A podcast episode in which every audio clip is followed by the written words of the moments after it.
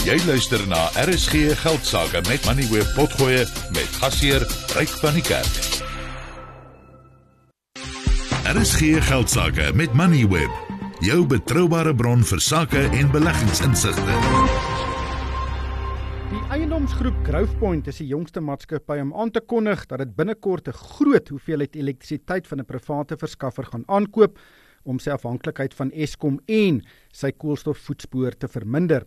Die ooreenkoms is met Etana Energy en beloop 195 gigawatt uur se elektrisiteit en dit verteenwoordig sowat 'n derde van Growthpoint se jaarlikse elektrisiteitsverbruik. Die elektrisiteit sal deur 'n kombinasie van son, wind en hidroaanlegte opgewek word en dan deur Eskom se netwerk na Growthpoint se eiendomme vloei. Estienne de Klerk is die uitvoerende hoof van Growthpoint in Suid-Afrika. Hy is op die lyn. Estienne, welkom by die program. Kortliks, wat behels hierdie projek? Ja, dis 'n redelik innoverende projek waar vir die eerste keer 'n maatskappy nou van 'n privaat opwekker basies krag kan bekom oor 'n periode en dit nou hernubare krag en dit is in verskillende streke en vir verskillende geboue en dan ook van verskillende bronne. Soos jy korrek uitgewys het die hoofkrag kom eintlik van hernubare bronne en dit is spesifiek hidro en wind wat eintlik basiskrag is. So daai bronne wek 24 uur krag op wat eintlik baie voordelig is vir ons en dan die balans sal uit die aard van die saak dan van sonkrag beskikbaar raak. Die belangrikste komponent hierso is eintlik die feit dat ons die transaksie met Itana gesluit het wat 'n handelaar is in elektrisiteit en as gevolg daarvan kan 'n ou die distribusienetwerk nou oopmaak as dit ware en vir die jaar het ons al klaar so 'n toetsloopie gehad daar in die Kaap. Ek dink dit was ook in die media waar ons nou eh, krag gewentel het deur die distribusienetwerk van die Kaapse munisipaliteit van ons Constantia winkelsentrum na die gebou waar 91 is in die foreshore van die Kaap. Dit was die laaste, kom ons sê, sleutel om hierdie tipe van transaksie uh, basies oop te maak. Want die grootste probleem hoekom die privaat mark nie eintlik die kragnetwerk kon gebruik nie, is maar regulasies en dit het veroorsaak dat dit baie moeilik was vir ons as 'n uh, kom ons sê ekonomie om van die probleme wat ons mee sit op te los. Nou dis die sogenaamde wheeling ooreenkomste wat gesluit moet word sodat jy 'n aanleg byvoorbeeld in die Noord-Kaap kan hê, die krag wat dit opwek vloei dan in Eskom se netwerk in en dan kan 'n maatskappy dit in die Kaap uittrek. Was dit ingewikkeld om daai ooreenkoms te sluit? Al hierdie ooreenkomste wat ons aangegaan het is maar baanbrekers werk en ons is geseënd om uh, binne huis in Growthpoint en natuurlik met uh, uitstekende vennote in Itana en Serengeti kon ons nou kom ons sê probleempies maar oplos. So dit is maar jy weet die produk van 'n hele paar maande se werk om nou al hierdie klein goedjies uit te sorteer en ons moes nou 'n paar goedjies toets langs die pad maar die is nou daarom nou uitgesorteer en ek dink die voordeel is uit die aard van die saak beteken beteken dit dat ons in die toekoms vir ons kliënte groen krag gaan kan voorsien en meeste van die geboue hierso gaan ten minste 70% van hulle behoeftes voorsien word deur groen krag wat al hoe meer belangrik is vir ons kliënte. So hoe werk die ooreenkoms? Gaan julle nou krag koop by Etana en daarvoor betaal in plaas daarvan om elektrisiteit te koop by Eskom?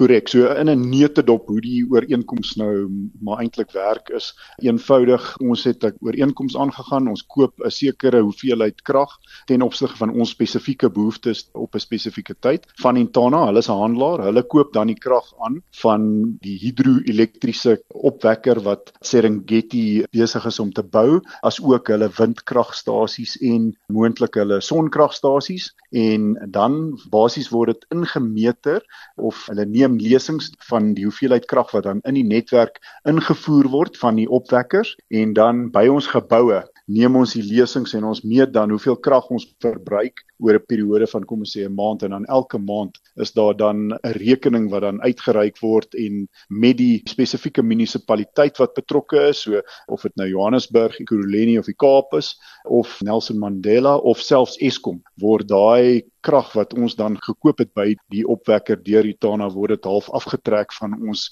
kom ons sê tipiese rekening wat ons van daai munisipaliteite of van Eskom sou gekry het. En en ons betaal uit die aard van die saak vir die gebruik van die distribusienetwerk of die transmissienetwerke. Is die tarief wat julle aan die tane betaal laer as wat julle normaalweg aan Eskom sou betaal? Die oorspronklike tarief is maar baie verwant aan die tariewe wat ons reeds betaal.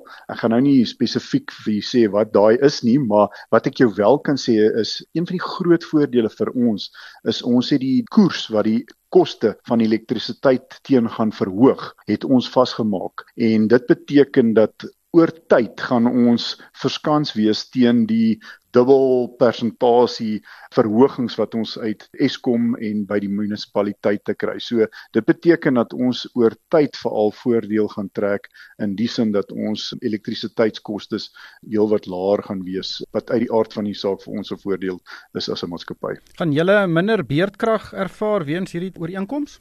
Op hierdie stadium in terme van die wetgewing sekerlik nie, maar wat ons wel aan werk is op 'n stadium dink 'n gesprek wat ons met die verskeie munisipaliteite miskien sal hê. Kom ons sê ons het 'n hele node waar ons omtrent al die eiendomme besit, kan ons dan sê ons gaan hierdie krag na julle toe wentel deur hulle distribusienetwerk en ons wil sekerheid hê dat julle ons nie gaan afsny as daar beurtkrag is nie. So daar is 'n klein bietjie proses wat nou nog moet ingaan daarso uit die aard van die saak Eskom uh, speel 'n groot rol in kom ons sê die bestuur van beurtkrag maar as ons die krag self opwek en uh, in die netwerk insit dan dink ek daar's ons 'n baie goeie kans met die ondersteuning van die munisipaliteit sal ons wel jy weet daai ondersteuning kry om daai beurtkrag uit die aard van die saak oor tyd te kan vermy. En ek dink dit is belangrik vir ons kliënte uit die aard van die saak. Net laastens daar's 'n hidroprojek betrokke en daar's nie baie van hulle in Suid-Afrika nie. Vertel ons van die projek.